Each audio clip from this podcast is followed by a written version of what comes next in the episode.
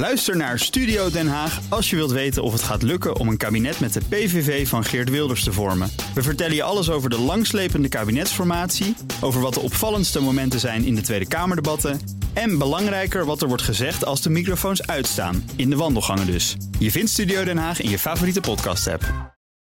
De column van Jaap Jansen.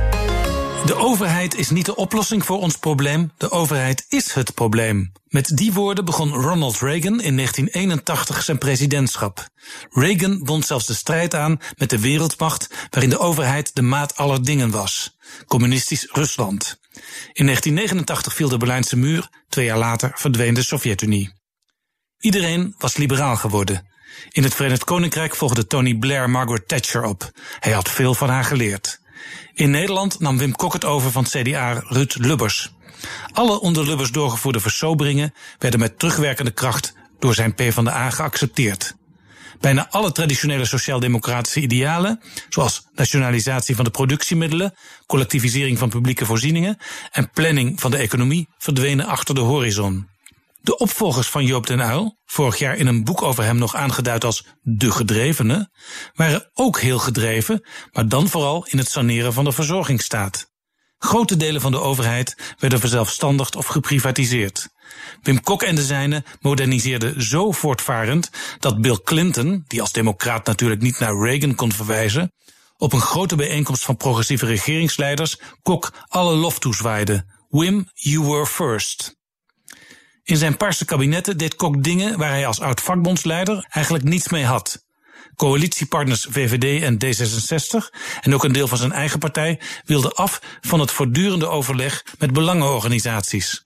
De sociaal-economische rem, zoals de SER toen in liberale kringen genoemd werd, moest plaatsmaken voor het primaat van de politiek. In een boek over de Partij van de Arbeid dat morgen verschijnt, betreuren PvdA'ers van toen hun medewerking aan de neoliberale revolutie van de jaren 90. Dat hadden we nooit moeten doen, heet het boek, geschreven door Duco Hellema en Margriet van Lid.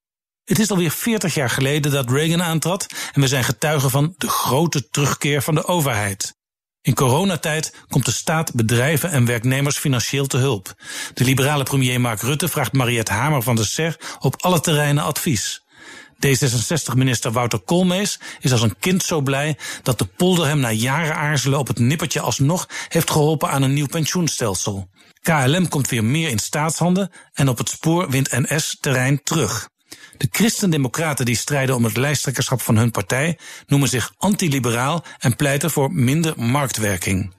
PvdA-leider Lodewijk Asscher ziet tot zijn genoegen dat alle partijen die volgend jaar in aanmerking komen om een nieuw kabinet te vormen, afscheid nemen van het neoliberale tijdperk. Door mee te dobberen op de golven van toen, zagen de kiezers het verschil niet meer tussen de PvdA en de rest. De grote vraag is: hoe onderscheidend kan de Partij van de Arbeid van Asscher nog zijn als inmiddels iedereen terugverlangt naar een behulpzame overleg-economie en een beschermende overheid?